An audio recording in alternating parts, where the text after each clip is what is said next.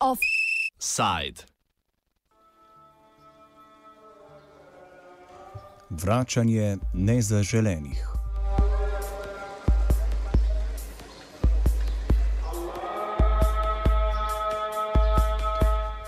Sirske demokratske sile so januarja razglasile, da bodo v roku enega meseca premagale še zadnje ISIS borce, ki se zadržujejo na vzhodu Sirije.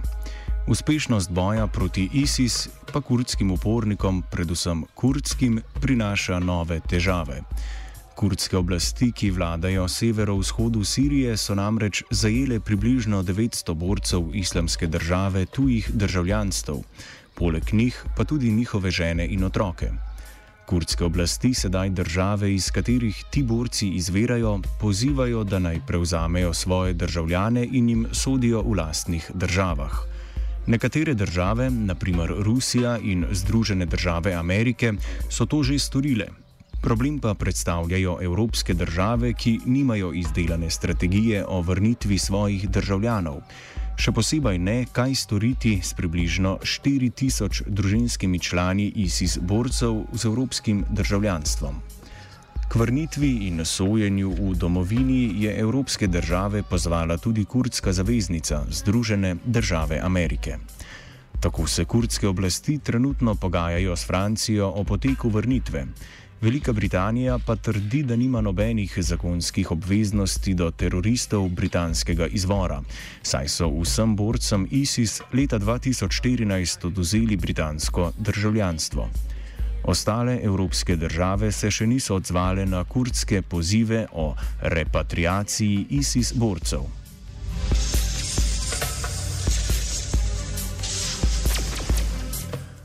Saik Jagizaj, predstavnik kurdske stranke Ljudska demokratska stranka, našteje razloge, zaradi katerih kurdske oblasti na ozemlju Sirije želijo vrnitev in sojenje evropskim državljanom v njihovih državah. Now the Kurdish region is uh, the most stabilized uh, region in Syria, but even though still the the conflict is going on, and uh, as the, the conflict is going on, it is always a problem to keep these people and guarantee their capture in prisons and not to be uh, danger again for the region, for the world, etc. So and uh, uh and uh, they are a burden because there are a lot of uh, prisoners, and you know the region is isolated.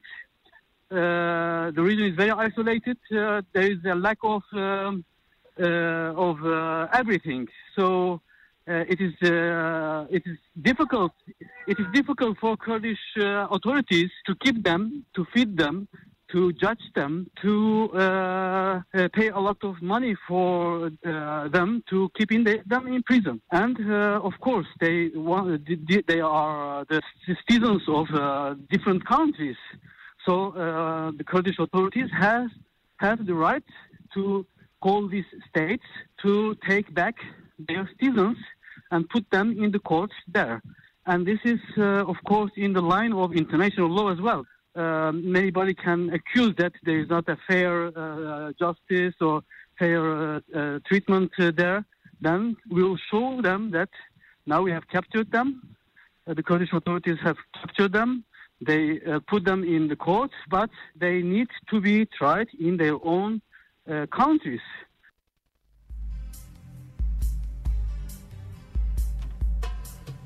Britanske oblasti so pred nekaj dnevi zavrnile zahtevo po repatriaciji sedmih osumljencev terorizma, navajujoč skrb za varnost in za dva domnevna britanska terorista po nasvetu višjega sodišča predlagali, naj se ju deportira v ZDA, saj da je v Ameriki večja možnost, da bosta obsojena.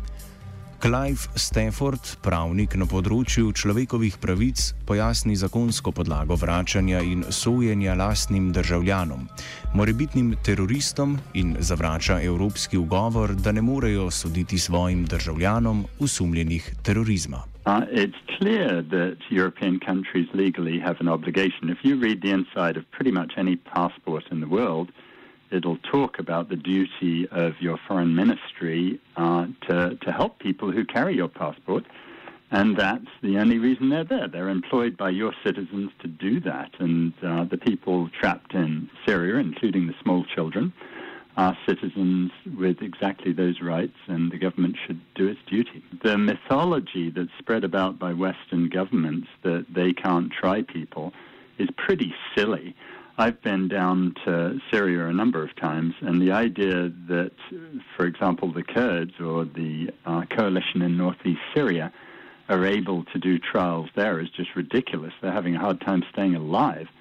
Um, so, of course, your government can do trials if someone's done something wrong. But uh, as we found in Guantanamo, in Guantanamo, we've proven that 95%, 745 out of 780, had not done anything wrong and they've been set free. And we will find pretty much the same in Syria as well. Stafford o možnosti in legalnosti sojenja evropskim državljanom na kurdskih sodiščih. The Kurds could perfectly well set up a, a court, an international court, uh, an internationally recognized court there, and give fair trials to people. And I'm, you know, glad to say that the Kurds have a very civilized attitude towards this, and they're against the death penalty. And maybe they'll do that for a small number of people who have seemingly committed crimes against them. But for the overwhelming majority of the 2,622 people they had in custody as of a couple of weeks ago, 1,248 are children, and they're not going to be tried for anything. They just need to come home.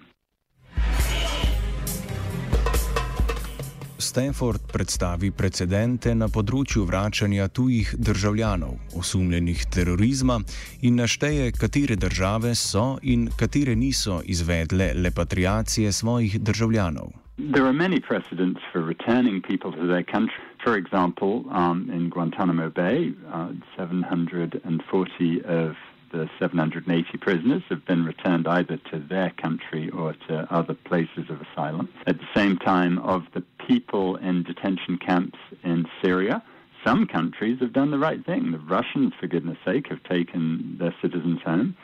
The Sudanese have, the Indonesians have, the Americans have. It's the British led coalition of Europeans and Canada who haven't. And they're the people who ought to be looking at themselves in the mirror and asking themselves why not. Na kurdskem ozemlju Sirije se trenutno po ocenah sirskih demokratičnih sil nahaja približno 4000 žensk in otrok, povezanih z ISIS borci, ki prebivajo v taboriščih, ki ne morejo biti primerno ogrevana sredi zime. Po podatkih Mednarodne zdravstvene organizacije je tako v zadnjih tednih zaradi podhlajenosti v teh taboriščih umrlo 29 otrok. Iz takšnega taborišča pa sta pred kratkim odšla dva trinidadska dečka, katerih združitev z materjo so organizirali posamezniki. Clive Stafford opiše potek združitve dveh trinidadskih dečkov, ki sta pristala na kurdskem ozemlju Sirije z njuno materjo, v katerem je sodeloval in povdari, zakaj je večini vlad takšne postopke izpeljati lažje kot pa posameznikom.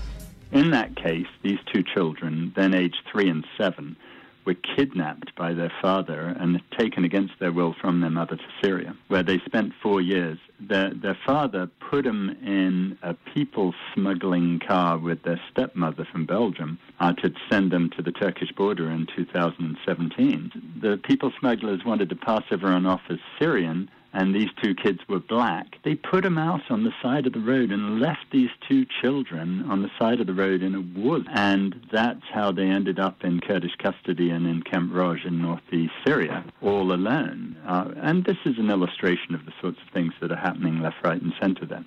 To get to the issue of getting them out, it's both simple and very complicated. It's very simple if you're a government and very complicated if you're not. So with us, Roger Waters, the founder of Pink Floyd, was incredibly generous and helped us do it and, you know, paid for a plane to come down with him and me and some other people on it. And, and we had to go into Syria to get the kids. We had to get lots of people's agreement because we didn't have any government backing. We had to get emergency passports and so forth for the kids. For the governments, it would be so easy. All they've got to do is talk to the folk in northeast Syria who are desperate to get rid of all of the detainees they have. Uh, they would happily do it and bring them to the border. Then all they have to do is ask for cooperation from the Iraqis in Iraqi Kurdistan. Um, and they'll get them to the airport in Erbil, and then they fly home. It's not that complicated for the government. That's why we have government and that's what the government should be doing. This wasn't a legal battle, this was just a practical battle. The Trinidadians were a bit slow to begin with to see their duties, but once we convinced them of that, they were very quick and provided emergency passports in just seven hours. Um, beyond that, the Trinidadian government said they didn't have the resources to go rescuing people around the world, so we said we'd do it for them. That's not true of most governments. Most governments have plenty of resources. Saik pojasni še dodatne razloge, za katere upa, da bodo prepričali evropske države v spremembo njihove pozicije. You know, I, the Foreign Affairs uh, Ministry of the uh, United States also called for these uh, countries to accept their citizens to be transferred. So uh, we call them to uh, get them, they are uh, their citizens, uh, of course, uh, there were a lot of uh, statements made by the Kurdish authorities.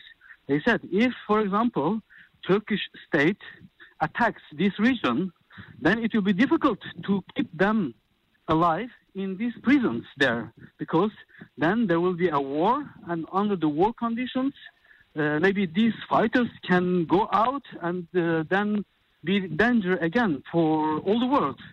So this is uh, another uh, risk for everybody. If, for example, um, the Syrian regime also, also, if attacks this, or if Turkish state attack this region, then uh, it will be very difficult to keep them in prisons. So, uh, and in our statute, uh, there is not a death penalty. We don't have a death penalty. We don't uh, execute them. So uh, we do not have uh, any uh, other guarantees for their lives. So uh, this will be another risk if they uh, are uh, escaped, if they escaped from from the, the prisons and go out. So it will be danger for everybody. This is another thing that we try to explain for the European countries.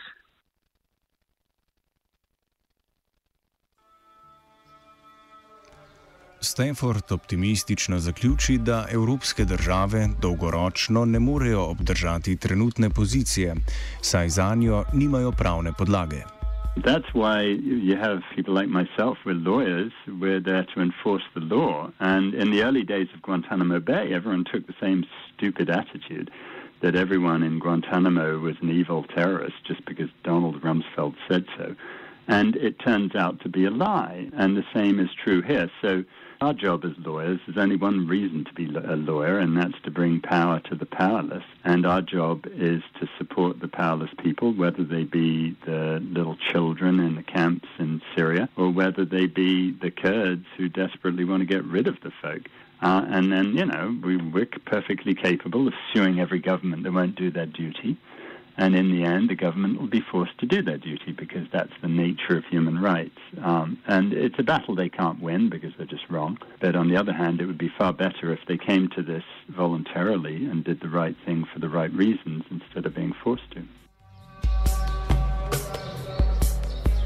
Offside je pripravila Geja.